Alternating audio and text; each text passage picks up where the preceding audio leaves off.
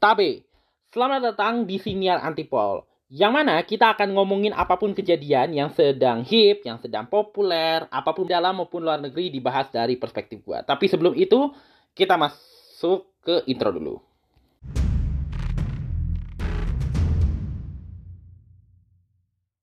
Kali ini kita akan ngomongin soal uh, kembali kita untuk sekian kalinya uh, JKT48 kembali menuai perhatian. Uh, walaupun ini agak nyelekit juga topik yang akan kita bahas kali ini. Uh, gue bingung cara ngejelasin, tapi intinya kayak gini. Ada satu insiden terjadi. Ya, gimana cara ngomongnya? Benar-benar. Ada satu insiden terjadi di tengah mereka menggelar acara gitu ya. Acara yang kebetulan diorganize oleh JKT48 di salah satu kota penyelenggaraan.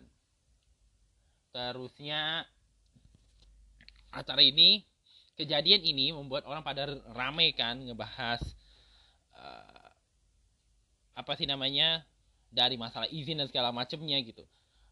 Walaupun uh, apa yang terjadi itu menunjukkan sesuatu yang ber uh, gue mau menggunakan kejadian ini untuk ngebahas sesuatu uh, yang berkaitan dengan fanatisme. Ini akan nyambung ke sesuatu yang seharusnya jadi topik bahasan episode ini. Yang mana intinya ada sedikit kan beberapa waktu yang lalu sebelum tur itu ada salah satu dari satu lagi anggota senior JKT48 kan bukan kelulusan. Terusnya gara-gara kelulusan ini muncul sebuah video yang yang kelihatannya orang-orang ini mungkin antara kecewa atau gimana terus menagih janji gitu kurang lebihnya ke member-member yang utama ini yang pada ngumumin grade termasuk yang sudah grade pun juga masih ditagih soal hal yang sama uh, kita akan membahas dua aspek uh, fanatisme ada yang fanatisme mungkin karena saking obsesionalnya dengan si member berkenaan ketika dia melakukan sesuatu orang ini reaksinya itu tidak wajar. Aspek kedua adalah ini karena mungkin uh, suka dengan JT48, uh, gue nggak tahu apakah economic factor ada di situ yang membuat dia hadir di acara yang kebetulan itu acara free entry, tapi saking uh, senangnya, saking suka dengan JT48, kadang-kadang mengorbankan berbagai hal, termasuk fisik. Ini ada dua aspek fanatisme nih. Ada yang obsessional, ada yang apa sih istilahnya eh, berkorban segala hal, gitu kurang lebihnya. Kita langsung ke enaknya langsung ke runtutan kejadian aja ya. Enaknya daripada panjang-panjang berpanjang lebar kita ke runtutan kejadian.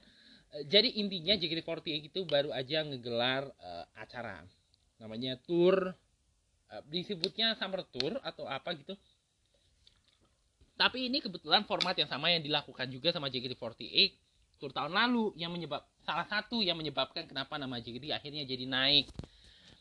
Secara apa sih lonjakan popularitas mereka tuh bisa dibilang melampaui uh, popularitas waktu kakak-kakaknya muncul pertama kali gitu kurang lebihnya. Uh, jadi tour yang sama digelar di tempat-tempat yang kebetulan juga kotanya sama dengan penyelenggaraan tour sebelumnya dengan format yang hampir sama ada ada aktivitas ada kegiatan-kegiatan kayak foto bareng member terusnya ada kegiatan hiburan terus ditutup dengan penampilan performance dari para member JKT48 ya sebenarnya secara ininya sih kayak formatnya ini mirip-mirip waktu mereka tampil over aja gitu over event. Menarik banget. Tapi terus kemudiannya uh, cuma kan gini ya waktu tur tahun lalu tentu ada situasinya tentu sangat berbeda antara tur yang digelar JKT48 tahun ini dengan tur yang sebelumnya. Uh, btw yang tur tahun ini itu tur tahun lalu itu kan berlangsung ketika uh, masih di bawah protokol COVID-19 gitu ya protokol pandemi penanganan COVID-19 walaupun pada saat itu Pak Jokowi sudah mengumumkan uh, apa ya udah boleh buka mall 100% kapasitas terusnya boleh bu mulai boleh buka masker gitu. Walaupun di dalam mall masih diharuskan pakai masker uh, antusiasmenya cukup lah gitu lumayan lah karena tentu ada kerinduan kan dua tahun tidak tampil terusnya JKT sempat restructure yang di mana teman-teman uh, FJKT teman-teman Wota juga uh, tentu berharap bahwa uh, restructure ini bisa membuat uh, popularitas JKT yang sempat agak menurun sebelum restructure itu bisa kembali naik gitu. Dan akhirnya mereka muncul juga di kota-kota yang untuk membayar kerinduan lah gitu kurang lebihnya. Terusnya tapi eh, itu itu yang tahun lalu. Nah yang tahun ini keadaannya sudah berbeda. Pandemi sudah dicabut terusnya ke situasi sudah lebih normal lagi. Konser di mana-mana dan di satu sih dan satu lagi uh, JKT48 itu kan naik tahun 2022 yang di mana mereka juga menggelar tour pada saat itu. Itu kan salah satunya karena TikTok kan. Mereka bikin video TikTok uh, have Fortune Cookies setahu gue yang bikin nama mereka meledak terusnya mulai JKT nama JKT naik lagi gitu ya. Uh, abis itu turnya rame terusnya konsernya jadi trending. Yang menyebabkan juga bukan hanya uh, popularitas menanjaknya popularitas JKT48 gitu ya apa sih melonjaknya popularitas mereka tuh bikin bukan hanya para member-member ini biasanya kan yang dikenal kalau member-member ini yang para masuk Sembatsu Sensenkyo gitu ya yang masuk Sembatsu karena mereka pasti muncul di TV.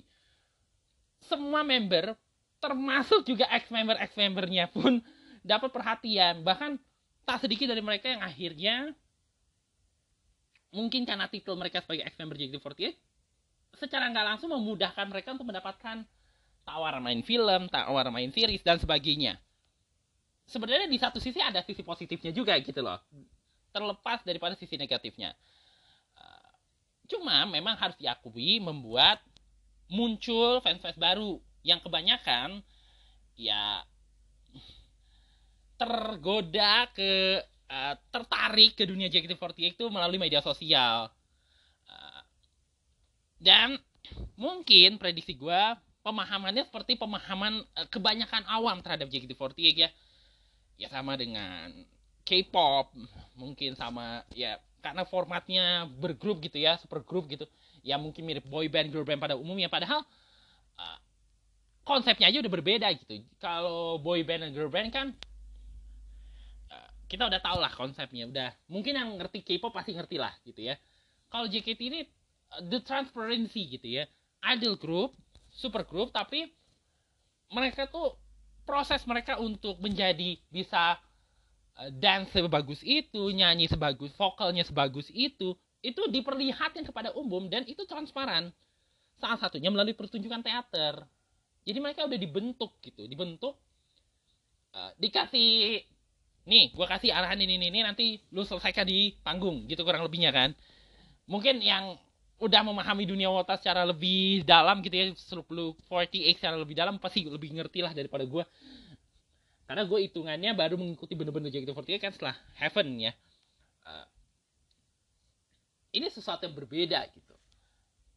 Tapi itu sebagai realitanya bahwa akhirnya muncul orang-orang awam ini yang ketarik ke dunia JKT48 karena uh, mungkin karena FOMO, mungkin karena uh, antusiasmenya yang luar biasa gitu. Ditambah lagi pasti kan setiap uh, popularitas kalau nggak dikembangkan secara baik atau dimanfaatkan dengan sebaik-baiknya momentum itu bisa turun kan. Ya awalnya populer karena uh, treatmentnya yang kurang bagus akhirnya jadi anjlok lagi ya. Ya kembali lagi seperti popularitasnya down lagi lah gitu. Tapi selalu ada cara-cara baik dari fans ataupun dari manajemen dalam hal di JOT yang membuat nama JKT itu terus relevan gitu. Salah satunya uh, ya ini agak mirip-mirip kejadian Dewa 19 walaupun mereka udah selesai konser pun masih ada keinginan dari publiknya untuk konser mereka konser lagi. Yang membuat pembahasan soal Dewa 19 jadi jadi cukup erected kan cukup luar biasa kan. Nah itu juga terjadi pada JKT gitu begitu mereka keluarin lagu, keluarin apa sih namanya semacam performance video ya sebenarnya hitungannya sih remaking ya remaking ya aransemen ulang gitu ya. Uh, benang sari putih kupu, kupu malam ponytail to shushu itu banyak mendapatkan respon terusnya mereka kemudian bawain lagu barunya di lagu yang udah udah tahu para wota dan akhirnya dibawain off air juga akhirnya banyak yang bereaksi. Terus ya member mulai tampil di acara-acara TV acara media dirapein off airnya banyak yang beli. Bahkan ini pengalaman gua ya pengalaman gua pribadi. Gua kan beberapa kali ikut off airnya JKT48 juga kan. Itu antusiasmenya udah gila-gilaan udah uh, formatnya udah jauh berbeda. Gue pernah hadir di off air tahun 2022 yang dihadir JKT dan 2023 beberapa kali itu makin luar biasa. Vibe-nya luar biasa gitu. Bahkan apa ya waktu paling nyata deh waktu Jakarta Fair ada itu format acaranya adalah grup-grup idol tampil malam itu. Uh, grup super grup lah ya tampil malam itu. Salah satu penampil waktu penampil ada dua penampil utama penontonnya nggak begitu banyak. Tapi begitu JKT48 bukan hanya area yang depan panggung aja bahkan yang belakang udah uh, kayak full house gitu lah istilahnya ya jadi bisa dipahami bahwa ketika kemudian JKT mengumumkan bahwa mereka akan tur lagi keluar kota, antusiasmenya luar biasa. Tapi antusiasme yang luar biasa gitu terhadap tur dan biasanya kan penonton daerah dengan penonton Jakarta kan tentu beda ya. Kita udah maklum lah soal ini. Penonton daerah, penonton Jakarta. Penonton daerah biasanya Eh, kalau mau ngelihat idolanya pasti melihat lewat media sosial atau cuplikan tayangan uh, atau misalnya menyaksikan mereka melalui televisi memberi dukungan melalui penampilan mereka di televisi uh, tentu ada keinginan ketik apa ya untuk mereka bisa tampil di daerahnya nah ketika kemudian di daerah gitu ya mereka akhirnya datang tentu antusiasmenya luar biasa. Tapi kadang-kadang antusiasme-antusiasme ini uh, sering kali ada sisi-sisi negatif uh, yang akhirnya juga dirasakan. Ini awal mulanya kayak di Bandung aja deh. Uh, mereka kan bikin tahun lalu nggak sempet bikin acara karena uh, ada masalah berkaitan dengan protokol pandemi di mall tempat penyelenggaraannya. Akhirnya mereka bikin acara cuma uh, si Jim Hamplas Walkia itu uh, atriumnya yang tempat buat acaranya itu uh, space-nya gak terlalu besar sehingga space yang gak terlalu besar gue gak tahu apakah juga berpengaruh area mallnya karena gue belum pernah masuk ke Ciamplas Walk walaupun gue beberapa kali tadi tur ke Ciamplas juga tapi setahu gue uh, yang gue lihat di Google Maps kayaknya nggak terlalu besar besar amat. Dan lucunya sebenarnya gue mau ke sana. Tapi karena satu dan lain hal gue nggak jadi ke sana. Nah begitu beberapa hari kemudian akhirnya hari H tiba dan gue lihat di media sosial banyak uh, cerita di balik itu gue langsung mikir untung aja gue mengurungkan dia ke sana. Karena kan penonton Bandung itu memang uh, sebagian penonton lokal tapi kan pasti ada limpahan penonton juga dari Jawa Barat dari Jakarta. Rame kan pembahasan ini di sosmed. Terus terus akhirnya sampailah ke kota Semarang. Secara penyelenggaraan cukup baik gitu ya. sebenarnya secara penyelenggaraan cukup baik uh, crowd control uh, persiapan uh, apa sih namanya preparing dari mallnya udah cukup bagus gitu. Termasuk juga bagaimana mereka mengatur penonton dan segala macamnya jadi bisa dibilang perfect perfectable gitu cukup perfectable cukup tertata dengan rapi sehingga banyak yang bilang penyelenggaraan Semarang ini agak proper lah untuk cukup proper gitu kurang lebihnya. Tapi tiba-tiba awalnya terlihat sempurna jadi kita bisa menyebutnya nyari sempurna. Bisa harusnya sih sempurna sekiranya tidak terjadi satu insiden ini yang akhirnya rame yang ngebahas.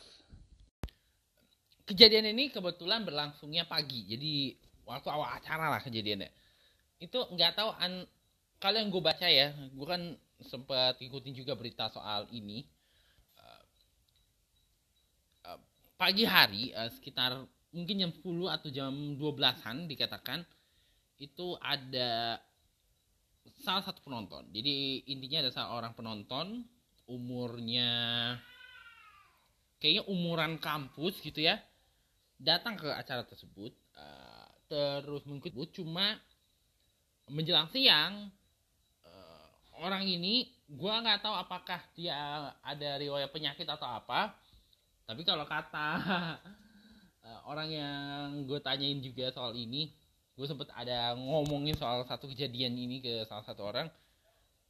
Mungkin ada faktor sangat jantung mungkin atau emang emang udah ajalnya aja gitu menurut gue uh, orang ini tiba-tiba gak sadarkan diri menggrepar gitu aja pingsan gitu. Gak sadarkan diri terus Eh, dibawa ke rumah sakit tapi dalam perjalanan ke rumah sakit beliaunya sudah meninggal dunia. Terus di, uh, kalau nggak silap gue selepas gue uh, kayaknya selepas acara itu selesai malam itu gue ngikutin di medsos kan. Gue lihat di twitter ada yang ngetweet kayak gini tur bersungkawa atas meninggalnya nama almarhumnya gue nggak begitu tapi ada nama Ahmad atau Af uh, Abdul entahlah. Nanti kita coba cari berita mengenai hal ini. Setelah berpulang ke rahmatullah orang ini. Pada ha pada hari ini. Tapi intinya uh, telah ber ada yang meninggal di saat menyaksikan konser. Nah besok harinya mulai rame itu pembahasan dan Eh, terus ada salah satu wota yang kebetulan ke rumah duka dan gue sempat baca juga tweetnya. Uh, gue lupa. Uh, gue juga jujur agak males sih. Dan gue juga agak bersalah juga kenapa nggak nge-like tweet itu untuk materi ini. Uh, gue nggak tahu ya mau tapi intinya dia nge-tweet kayak gini. Uh, gue nggak tahu apakah ini bisa dipublish karena gue gak mau ikut rame-ramein. Tapi gue ingin menyampaikan sesuatu yang uh, eh, gue dapatkan ketika tadi melayat almarhum. Dan uh, menyampaikan amanah yang disampaikan almarhumah ibunya eh ibu dari almarhum agar uh, spekulasi-spekulasi dan hoax yang beredar tidak lagi disebarkan gitu kurang lebihnya. Terusnya dari apa yang dikatakan almar ibunya juga mengatakan pada sebelum uh, beliau datang ke sana uh, dan mengalami apa yang dikatakan pingsan itu beliau dalam keadaan sehat dan sempat bawa bekal sempat bawa bekal untuk makan siang. Gue nggak tahu apakah dia telat makan atau mungkin malamnya sempat begadang entahlah gue nggak tahu. Tapi ada kemungkinan juga ke arah situ karena uh, seinget gue gue ada apa ya ada nge like tweet uh, salah satu salah satu intinya ini salah satu wota yang agak kebetulan uh, agak ngerti bukan ngerti ya mungkin ada keahlian dalam bidang dalam analisa uh, punya kapabilitas lah untuk ngomongin kesehatan gitu. Karena dia orang kesehatan gitu kurang lebihnya. Tapi intinya uh, berita ini akhirnya sampai juga ke telinga para member. Baik yang kebetulan tampil di Semarang maupun yang tampil di kota lain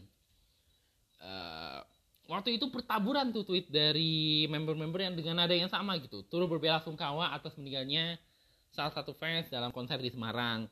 Semoga keluarga diberikan ketabahan. Bahkan kalau nggak salah si Siska kayaknya Siska nggak dapet shot yang ke Semarang deh. Tapi dia bilang bahwa uh,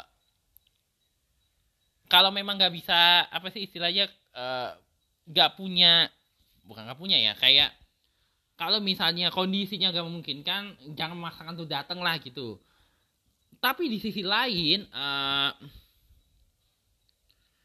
ya tadi gue bilang gitu banyak spekulasi berlangsung dan uh, respon yang diberikan oleh manajemen uh, JKT48 uh, yang kebetulan secara kebetulan merupakan bagian dari sebuah media massa yang cukup terpandang btw JKT48 ada bagian dari IDN Media dengan uh, pemberita yang lain. Ini kayak apa ya kayak langit dan bumi gitu. Uh, agak lamban gitu respon dari IDN Media dengan respon yang dilakukan media lain terhadap kasus-kasus ini. Itu lamban sehingga telah berlaku sedikit apa sih namanya kesalahpahaman lah gitu miscommunication spekulasi-spekulasi yang nggak perlu yang tadi dibilang spekulasi yang tidak perlu gitu bahkan tak sedikit dari berita kematiannya fans ini disensasikan oleh sejumlah media beruntung di kalangan fans ini ada juga di kalangan wartawan juga yang kebetulan jurnalis uh, nulis untuk Jawa Post terus dia dia ada nulis yang uh, ngasih update lah pemberitaan berkaitan dengan kasus itu. Uh, tapi intinya acara itu sudah ada izinnya, cuma uh, kemungkinan ada problem berlaku karena ini melibatkan penonton yang cukup banyak lah gitu kurang lebihnya. Uh, terus sudah ada pemeriksaan terhadap panitia dan uh, apa sih istilahnya meninggalnya almarhum juga murni karena sakit karena kemungkinan serangan jantung dan sebagainya gitu gitu dan tapi intinya adalah ada pembahasan soal isu keselamatan gitu isu crowd control gitu. Sesuatu yang uh, jadi awareness sejak uh, tragedi apa sih namanya sejak tragedi di Taiwan Korea uh, ini jadi salah satu perhatian yang cukup serius gitu ya. Uh, dan sebenarnya kelambanan media yang membawahi si perusahaan ini terhadap membawahi uh, entitas ini seba, dalam menanggapi isu yang melanda entitas ini bukan sesuatu yang baru. Ah, nggak usah jauh-jauh deh. Uh, apa sih media group deh contohnya dalam menyikapi kasus yang kebetulan uh, menjerat kader dari sebuah partai yang secara kebetulan uh, si owner daripada media ini adalah ketua umum partai berkenaan. Pasti lu tahu kak partai yang gue maksud. Media lain udah mulai memberita udah memberitakan nih soal penahanan si menteri yang berkenaan yang kebetulan politisi dari partai tersebut. Tapi media group itu si media group ini Eh, kelihatannya ditahan untuk tidak memberitakan sampai uh, si owner yang kebetulan si ketum parpol ini memberikan penjelasan gitu atas nama partai gitu. Baru bisa keluarin beritanya. Ini sebenarnya bukan sesuatu yang baru, media massa uh, kalau ngeberitain sesuatu yang gak ada kaitannya dengan entitasnya itu cepet banget. Tapi kalau udah ada hubungan dengan entitasnya, tunggu dulu deh ini ini mesti dijelaskan biar tidak terjadi kesalahpahaman sesuatu yang sebenarnya agak disayangkan dari pemberitaan media uh, mungkin di banyak negara juga terjadi karena uh, media-media di beberapa negara yang cukup demokratis itu media bisa uh, si wartawan bisa mengkritik medianya sendiri kalau dipikir-pikir dan kita juga mungkin udah sering dengar ya berita apa ya wartawan yang dipecat sebuah media karena sikapnya yang kurang ke media. Tapi itu udah tapi terlepas dari itu kita lanjut lagi dari pembahasan uh, eh, gue lagi nyari uh,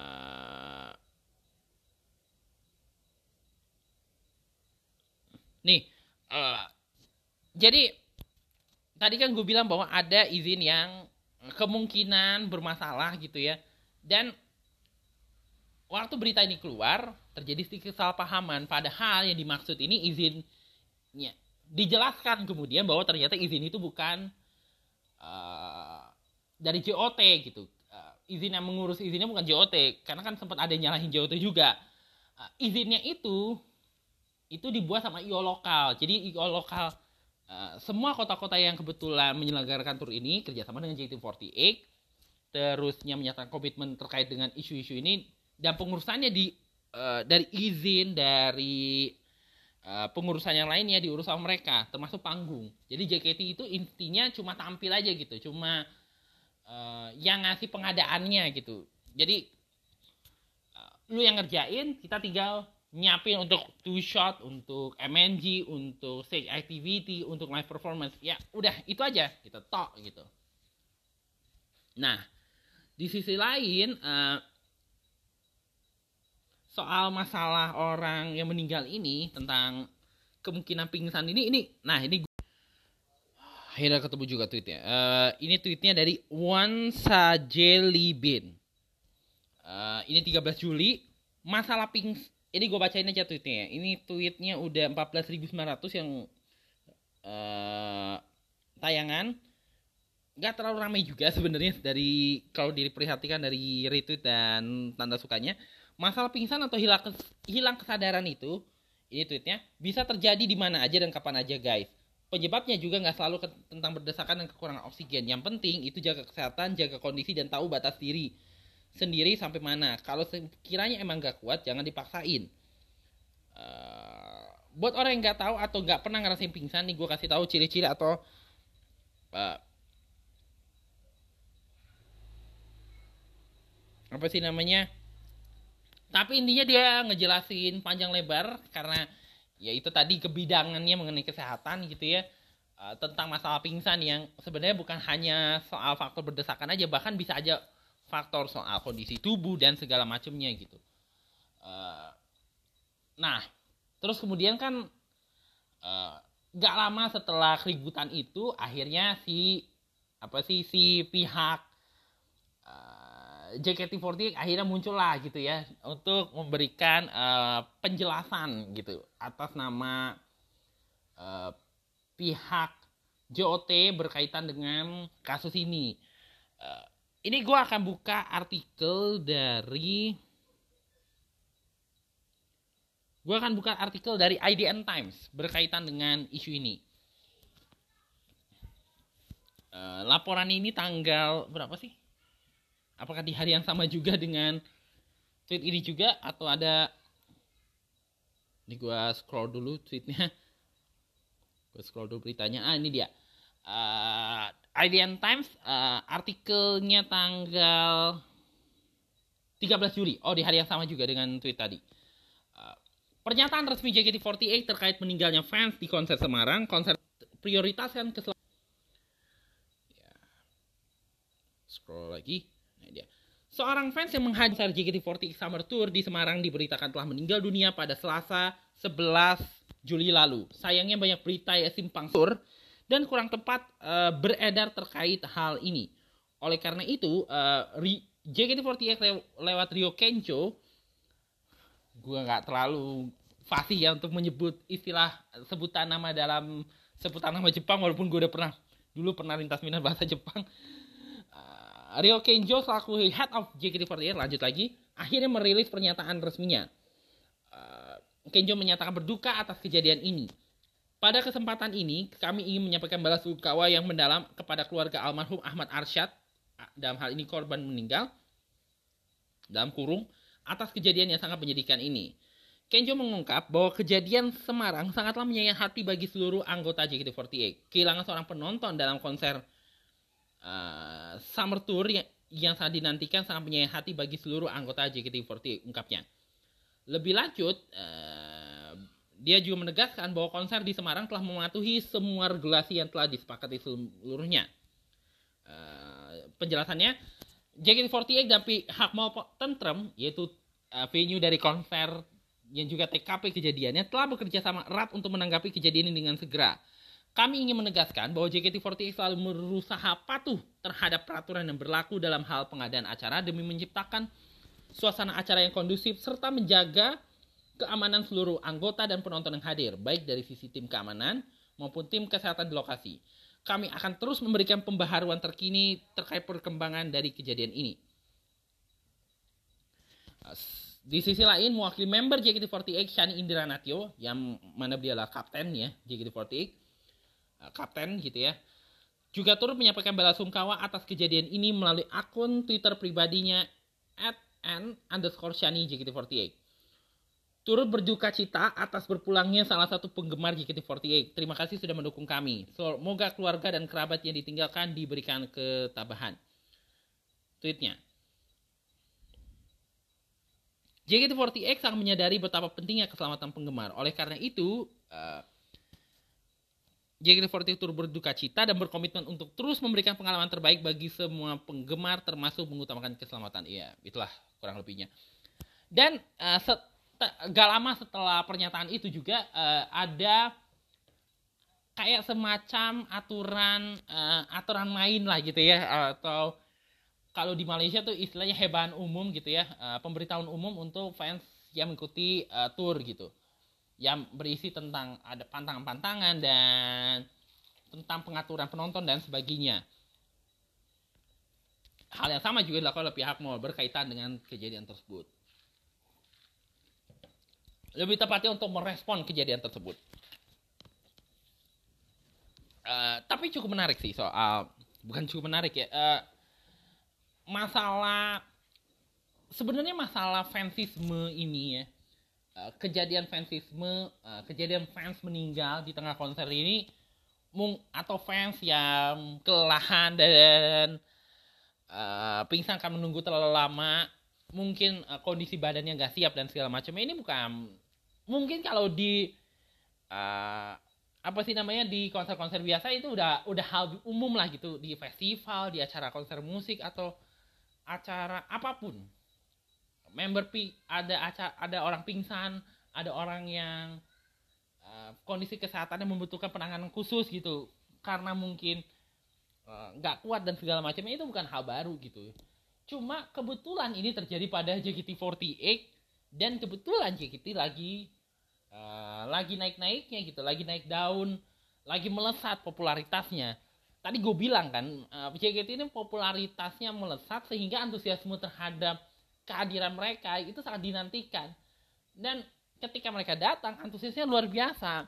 Tapi harus diakui hal-hal yang tentu ini menimbulkan ekses-ekses yang kurang uh, kurang menarik dan kurang menyenangkan juga seperti tentang kerumunan yang uh, tentu uh, membuat pergerakan member jadi terbatas. Terusnya tadi ya isu kesehatan lalu ada isu soal waktu dan sebagainya uh, pengaturan penonton crowd control dan sebagainya. Sebenarnya Uh, tadi gue bilang sebenarnya persiapannya cukup bagus uh, dari pengamanannya juga cukup baik. Cuma gara-gara satu noktah ini jadi uh, jadi agak bikin pusing bikin pusing semua pihak manajemen JOT dan JOT-nya pusing si mallnya pusing apalagi pihak polisian gitu kan. Polisi itu kan menyelidiki kan karena desakan publik kan karena tekanan kan atas apa yang terjadi gitu kan. Tapi di saat bersamaan, membeludaknya ini juga salah satunya dipicu oleh fenomena uh, munculnya penggemar baru. JKT48 ini kan sejak dari Fortune Cookie sampai Heaven Concert dan sampai sekarang itu kan terus menjadi pembicaraan gitu. Dan ada aja uh, um, kita bisa menyebutnya manuver gitu ya dari JKT48 sendiri baik oleh member ataupun dari JKT48 secara keseluruhannya yang membuat publik akhirnya memberikan sorotan perhatian bejibun banyak gitu ya pembahasan soal JKT yang dibahas oleh bukan hanya oleh akun-akun uh, fanbase atau oleh JKT48 itu sendiri tapi juga oleh uh, home base media dan segala macamnya. Gue sangat mengikuti kan soal hal ini. Yang membuat uh, penonton ini cukup banyak gitu. Cukup banyak penonton baru, cukup banyak fans baru gitu. Walaupun harus diakui, boleh jadi fans-fans baru ini belum uh, punya pemahaman yang cukup lah mengenai masalah JKT gitu. Mungkin pemahamannya tidak sebanyak yang udah ngikutin JKT dari 10 tahun yang lalu, 9 tahun yang lalu. Istilahnya tahu JKT48, kenal JKT48, tapi tak uh, mungkin tahu lagu-lagunya tapi nggak mengenal lebih jauh tentang dalamannya JKT48 sehingga ketika terjadi sesuatu atau misalnya ada hal yang cukup misalnya mungkin ada momen yang sedih kan nggak selalu momen-momen yang menyenangkan juga kan di JKT selalu ada momen sedih juga. Misalnya member ngumumin graduate ataupun ada member resign atau ada sesuatu yang kurang menyenangkan seperti yang terjadi di era-era restrukturisasi. Reaksi dari yang mungkin baru mengikuti ini mungkin berlebihan. Dan kadang-kadang berlebihannya itu sampai mengganggu member lain seperti yang terjadi sama Jinan Safa jadi Jinan itu kan wakil kapten Uh, terus dia mengumumkan kelulusan. Mengumumkan kelulusannya Desember dan resmi lulus dari JKT-nya Maret. Uh, tapi kelulusannya ini gimana cara ngomonginnya ya? Tapi intinya ada sejumlah pihak yang ngerasa yang dilakukan Jinan ini tidak sepatutnya rujukannya adalah pernyataan dia uh, di uh, konser Heaven. Yang intinya ini ada fans fans kayaknya ada sebagian fans yang kecewa lah gitu lah sama dia gitu. Karena ngerasa uh, Jinan ini kayak mengingkari janjinya gitu mengingkari janjinya sendiri gitu. Terus akhirnya dia buat penjelasan kan yang sebenarnya lah gue nggak pernah menjanjikan kalau gue akan uh, ngajak kita semua untuk ini GBK gitu. Ini kan mimpi konser GBK ini mimpinya JKT48 bukan mimpi gua gitu. Ini udah dirancang dari generasi satu bukan dirancang dari generasi empat. Udah dijelasin di, di ada satu wawancara yang dia hadir di sana gitu. Dan dia tahu ngurus konser itu nggak mudah pada dasarnya. Apalagi untuk sebuah eh, band yang uh, lama gitu ya pamornya sempat menurun untuk waktu yang cukup lama tentu untuk bisa membangun kembali kepercayaan gitu ya membangun kembali uh, kekuatan ke merekatkan hubungan fans dengan uh, grup band berkenaan tentu butuh waktu gitu. Bahkan mungkin BTS yang mungkin kita ngelihatnya kayak lihat aja Blackpink yang cuma beberapa tahun aja bisa bikin konser besar di banyak negara. Udah tingkatan stadion termasuk di GBK juga. Tapi untuk proses ke sananya pasti juga awal-awal gak akan mudah gitu. Apalagi kalau misalnya vakumnya lama sekali gitu. Jangan kayak gitu deh. TBA aja yang udah collab sama United aja. Uh, kayaknya penggemar yang lamanya juga belum tentu suka dengan konsep yang sekarang gitu. Smash aja bahkan mungkin bak prediksi gue juga bakal mati-matian untuk bisa bisa meraih popularitas seperti dulu gitu kan. Sedangkan JKT ya mungkin karena kepintaran memanfaatkan media sosial gitu ya treatment yang dibuat oleh member oleh staff gitu uh, memanfaatkan digital dengan baik yang membuat akhirnya orang berikan perhatiannya gitu. Tapi di sisi lain orang dan memang salah satunya juga harus diakui karena faktor literasi juga gitu pemahaman. Gak bisa membedakan pernyataan yang disampaikan pribadi dengan pernyataan yang apa ya yang sebenarnya udah diarahkan tuh gak bisa gitu. Gak bisa dibedakan sehingga muncullah kesalahpahaman. Sebenarnya yang dilakukan Jinan gitu kan sebagai wakaf ngomong soal GBK itu nggak aja di acara konser itu nggak jauh beda dengan uh, gimana sih kasih contoh uh, ada satu acara gue pakai contohnya kayak gini ada satu acara di mana acara ini menurut rencana akan dihadiri presiden. Kayak Indonesia kan ya yang kepala negara presiden. Tapi presiden dia bisa datang hanya bisa tapi mengutus wakil dari pemerintah entah menteri entah wakil presiden entah pejabat teras gitu ya mewakili presiden kalau misalnya ada pidato, pidato itu adalah disampaikan ad, yang membacakan eh, sambutan presiden itu dibacakan oleh perwakilan dari pemerintah. Ribet ya? Eh, enggak. Oke, okay, gue pakai contoh yang gak jauh-jauh dari diri gue. Setiap lebaran itu kan, setiap lebaran Hari Raya Idul Fitri itu kan selalu akan ada sambutan dari pimpinan daerah. Gitu ya Eh, di masjid gua itu selalu selalu disampaikan sambutan uh, dari pimpinan daerah dalam hal ini daerah gua kota Tangerang ya berarti sambutan wali kota Tangerang gitu ya. Tapi kan wali kota Tangerang nggak bisa apa ya istilahnya ya nggak bisa keliling-keliling untuk menyampaikan sambutan gitu kan. Dia pasti sholatnya di masjid puspem. Dalam hal ini masjid al azom tentu uh, edaran daripada sambutan itu dibacakan oleh ketua DKM jadi sambutannya di adalah sambutan wali kota tapi membacakannya uh, ketua DKM sama nih uh, ada goalsnya JKT gitu ya yang mungkin ini memang itu goals dari manajemen gitu yang perlu disampaikan kepada publik gitu. Tapi yang menyampaikan adalah wakil kapten gitu gak jauh beda gitu. Pernyataannya dari manajemen tapi yang menyampaikan pihak lain gitu kurang lebihnya. Ketika dia sudah kan seorang member kalau udah lulus dari JKT48 kan udah nggak ada hubungan apa-apa dengan JKT48 eh nggak harus mengikuti golden rules uh, rulesnya adalah arahan terhadap untuk menjalankan kehidupannya yang dia sendiri yang ngatur gitu ya mau clubbing kayak apa ya oke okay lah gitu karena udah bukan member gitu. Dan kewajiban-kewajiban JKT48 itu udah lepas gitu. Tapi kalau mau memberikan dukungan kepada JKT48 oke-oke aja gitu kan. Masih boleh kok nonton di teater tinggal ngomong aja gitu kan. Tapi memang ada dua aspek nih masalah si fanatisme dalam kasus ini. Ada yang apa ya mendukung gitu ya mati-matian tapi memilih dukungan saking memberi dukungannya apa pun acara pasti datengin walaupun e, sebenarnya mungkin kondisinya tidak memungkinkan tapi pingin dateng gitu. Di sisi lain ada juga fans yang apa istilahnya ya kalau kita mau menggunakan istilahnya uh,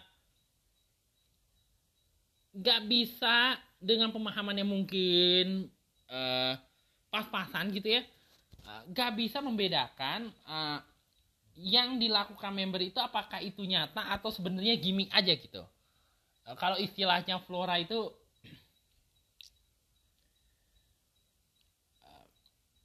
segala yang terlihat di dunia entertainment tuh nggak semuanya nyata gitu. Kita mulai dari pernyataan segala yang terlihat di dunia nyat di dunia entertainment, termasuk mungkin di panggung idol, di panggung uh, music itu beda. Itu nggak akan pernah sama dengan realnya.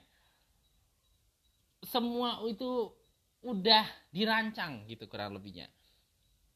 Dan bukan mustahil juga jika Shokainya member ini sebenarnya ya rancangan aja untuk menghibur kalian itu kalian-kalian ini yang mungkin JKT yang karena healing, JKT yang karena atau ngidol ya. Istilahnya uh, untuk melepaskan penat gitu ya apa ya untuk karena kesukaan gitu ya terhadap budaya Jepang. Karena kan JKT48 sendiri kan um, akarnya dari budaya Jepang kan sebenarnya. Tapi pengaplikasiannya uh, mengikuti tata laku yang berlaku di Indonesia gitu. Uh, tapi ya itu tadi fans itu kan fanatisme itu kan uh, fans kan artinya fanatik gitu ya mendukung uh, melakukan sanggup melakukan segala cara untuk mendukung grup walaupun mungkin uang pas-pasan dan segala macamnya gue inget ini kayaknya sering banget itu dibahas tweetnya ini. Tweetnya ini masih sering dimunculin sama sorry gue gak batuk sedikit. Uh, oleh sejumlah fans lah. Lanjut lagi. Uh, fans tuh udah sering munculin tweet ini dan tweet ini juga berapa kali lewat di inian gue baik itu di TikTok di Twitter di Instagram mungkin uh, tweetnya ini udah 10 tahun yang lalu tweetnya ini tweetnya Salnia Julianata Uh, Sania Julianata ini adalah mantan member juga. Uh, tapi dia dari generasi satu, gennya Gaby. Dia nge-tweet kayak gini, kurang lebihnya. Tapi intinya, ngidol itu pasti ngabisin duit, gitu ya. Uh, pasti ngabisin waktu. Tapi kalau lu merasa nyaman melakukannya oke, okay. tapi kalau nggak sanggup ya jangan laku. Sebaiknya jangan dipaksakan gitu dan ini pernyataan udah nggak buka baru ini udah dari 10 tahun lalu udah diingetin uh, bahwa ngidol fanatisme itu pasti akan membuat kita mengorbankan segala-galanya termasuk kondisi fisik. Lu pikir yang yang meninggal di Kanjuruhan itu kenapa? Mereka ngedukung fans, eh, mendukung uh, klub bola impiannya, tapi karena kalah mau melupakan ketidakpuasan. Tapi entah ap apakah memang ajal gitu ya. Ah, gue takut salah ngomong juga karena ini kan isu yang sensitif ya Kanjuruhan. Uh, terjadilah chaos lah gitu ke ada slack lah antara pendukung dan aparat. Terjadilah peristiwa yang kita kita tahu bersama kita sama-sama tahu adalah tragedi salah satu tragedi yang cukup harusnya tidak terjadi sih tragedi ini tapi harus terjadi juga gitu ya. Eh, salah satu tragedi sepak bola terburuk di dunia yang ya tentu dasarnya adalah karena fanatisme gitu. Ke apa ya kecintaan terhadap grup gitu. Grup dan ini grup sepak bola dan fanatisme ini kan bukan hanya terjadi di dunia idol gitu ya ataupun di dunia boy band K-pop misalnya. Bisa terjadi di industri musik secara umum gitu. Bisa terjadi juga di sepak bola di ya segala hal gitu. Karena mungkin karena grupnya mampu memberikan uh, servis yang baik atau si individu yang disukai ini mampu apa ya memberikan uh, perhatian kepada penggemarnya dengan bagus. Langkah-langkahnya banyak yang membuat orang ini suka gitu ya. Para fans ini suka dan segala macam sehingga apa ya menyebabkan mereka akan terus mengeluarkan duitnya terus mengeluarkan tenaganya untuk mendukung orang yang, klub yang klub bola ataupun klub basket yang dia suka atau misalnya uh, individu musisi ataupun dalam super grup yang dia suka gitu gue inget banget gue pernah ngebahas ini juga di sinyal antifol. Coba nanti lu dengerin uh, apa sih namanya K-pop sensi warganet yang mana gue ngomong uh, bagaimana perusahaan Korea uh, dalam hal ini uh, manajemen manajemennya uh, grup-grup band Korea itu bener-bener servis baik gitu yang membuat apa pun karya dari si uh, apa sih namanya lagunya menyebabkan kalau ada lagunya pasti ditonton kalau ada video-video kreatifnya pasti diramein uh, mereka keluarin merchandise pasti dibeli. Uh, kalau ada member uh, dari ini main film atau segala macamnya uh, pasti apa sih namanya masih ditonton uh, JKT48 juga sama gitu kan. Uh, karena fan service yang bagus kepada fans gitu ya dan dukungannya walaupun ya ada slack satu dua dikit ya satu dua. Tapi karena mampu memberikan pengaruh yang kuat dan juga fansnya juga ngerasa bahwa JKT ini kayak healing sehingga apa pun lagunya pasti didengerin di streaming gitu ya pertunjukan teater pasti dibeli tiketnya. Kalau ada konser atau event atau mungkin RH ataupun SSK pasti dibeli. Uh, pasti dibeli tiketnya atau dibeli apa ya photocard misalnya gitu ya untuk voting SSK uh, bahkan sampai banyak-banyak mungkin ya. Terusnya kalau merchandise pasti dibeli. Birthday t-shirt ataupun merchandise dalam rangka event berkenaan. Uh, ada konten gitu ya si JKT48 di ditonton. Uh, ada member main film main series pasti diramein. Itu kan fanatisme ya. Karena cintanya pada grup apa pun diberikan gitu. Apa pun karya ini orang masih uh, dinikmati diapresiasi tentu untuk melakukan itu tentu ada modal yang harus di, dikeluarkan, ada tenaga yang harus di ini kan ada effort gede yang harus dibuat gitu. Cinta, fanatisme itu kan dasarnya karena cinta gitu, kesukaan. Tapi kesukaannya tentu berlebih karena lebih besar gitu kan daripada segala-galanya mungkin nyawa mungkin uh, modal gitu ya keuangan dan sebagainya Makanya kadang-kadang gue setuju kalau ada yang mengatakan kalau mau mendukung ya sewajarnya aja gitu. Ya sama ini kan eh, mendukung sewajar ini kan sama dengan yang apa yang di tweet Kasanju kan bahwa itu itu ya sewajarnya aja. Kalau emang nggak sanggup ya ya sewajar apa ya istilahnya nggak usah terlalu dipaksakan gitu. Dan uh, ada satu hal penting. Kalau misalnya kalau soal fanatisme itu udah settle lah. Kalau misalnya member graduate ya ya mau nggak mau ya pilihannya cuma dua gitu. Antara berhenti gitu ya setelah grade uh,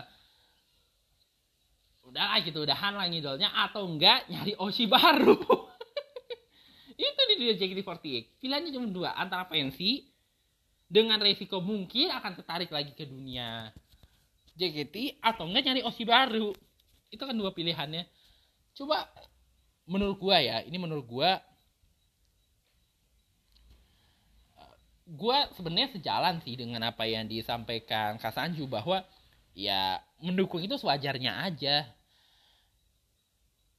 Lagi pula ya apa ya sih istilahnya? Fanatisme itu kan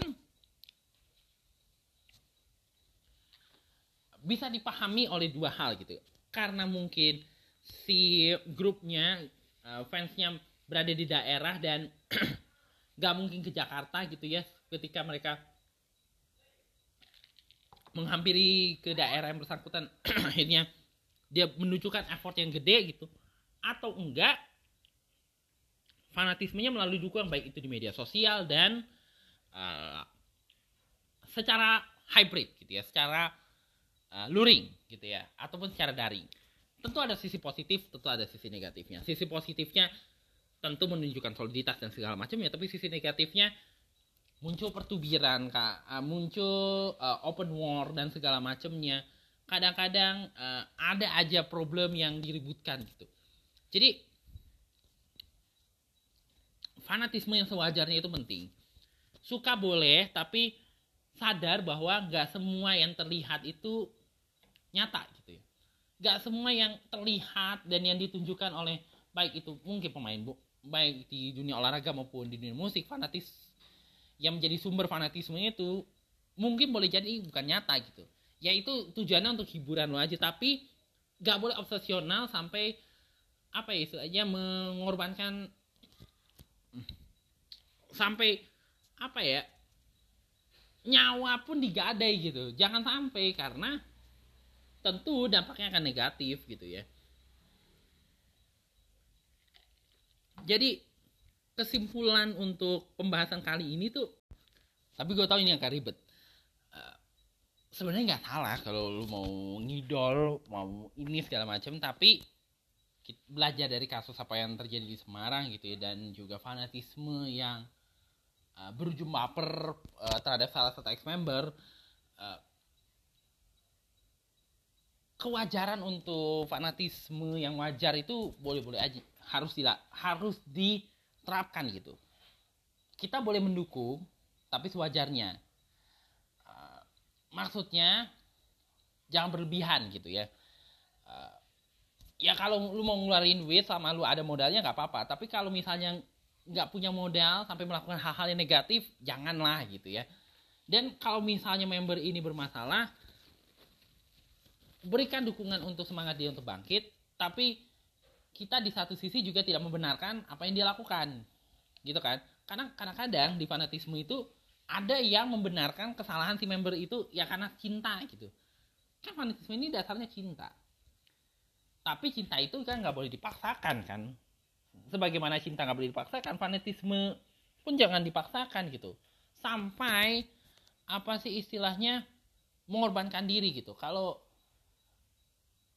istilahnya jangan kejadian contoh nyata kan kejadiannya John Lennon yang mati di tangan penggemarnya aja itu kan udah cukup menunjukkan bagaimana seharusnya kekaguman itu lebih baik dialihkan untuk membuat kita jadi hak justru karena kesukaan terhadap guru hak kenapa kita nggak mengembangin itu untuk membuat kita jadi lebih bersinar gitu lebih luar biasa gitu. Kita kan punya keunggulan masing-masing ya. Gimana kalau fanatisme itu diarahkan untuk membuat kita energinya diarahkan untuk mengembangkan diri kita sehingga diri kita jadi uh, memiliki bak mengembangkan bakat kita menjadi dikenal banyak orang dan orang akan suka sama kita. Ngerti kan maksud gue jadi satu fanatisme sewajarnya. Kedua energi fanatismenya dikembangkan untuk membuat kita jadi perhatian kalau lu punya karya kembangin karya lo dan kalau bisa jangan ragu untuk publikasikan. Mungkin dampaknya kecil, tapi satu hari pasti akan jadi besar. Gue kayak gue punya minat terhadap podcast gitu. Akhirnya gue bikin siniar. Ya mungkin gak sebesar siniar-siniar yang kebanyakan, tapi gue tahu bahwa siniar ini akan berdampak selama omongan gue ada manfaatnya, tentu akan berdampak gitu ya. Itu contoh nyatanya. Jadi ya intinya sewajarnya. Dan tahu batas gitu ya sehingga tidak merugikan diri sendiri tidak merugikan grup yang kita dukung dan tidak merugikan pihak lain gitu eh, mendukung boleh eh, mengagumi boleh tapi jangan berlebihan jadi itu aja sih pembahasan gue untuk edisi kali ini. Uh, gue juga takut kalau panjang lebar kan. Uh, tapi intinya semoga ada manfaatnya dari setiap pembahasan kita tadi, setiap ulasan yang gue buat. Kalau misalnya ada yang masih kurang, masih uh, kayak tidak lengkap gitu ya, dan mungkin ada tambahan lain yang sebenarnya gue belum tahu ya diwajarkan aja. Karena ya wajar aja dimaklumi bahwa karena gue kan gak harus tahu segala hal kan. dan tapi masih banyak lagi berbagai kejadian yang gue mau bahas dari perspektif gue di siniar ini jadi ikuti terus eh, edisi-edisi berikutnya daripada Siniar Antipol New Era.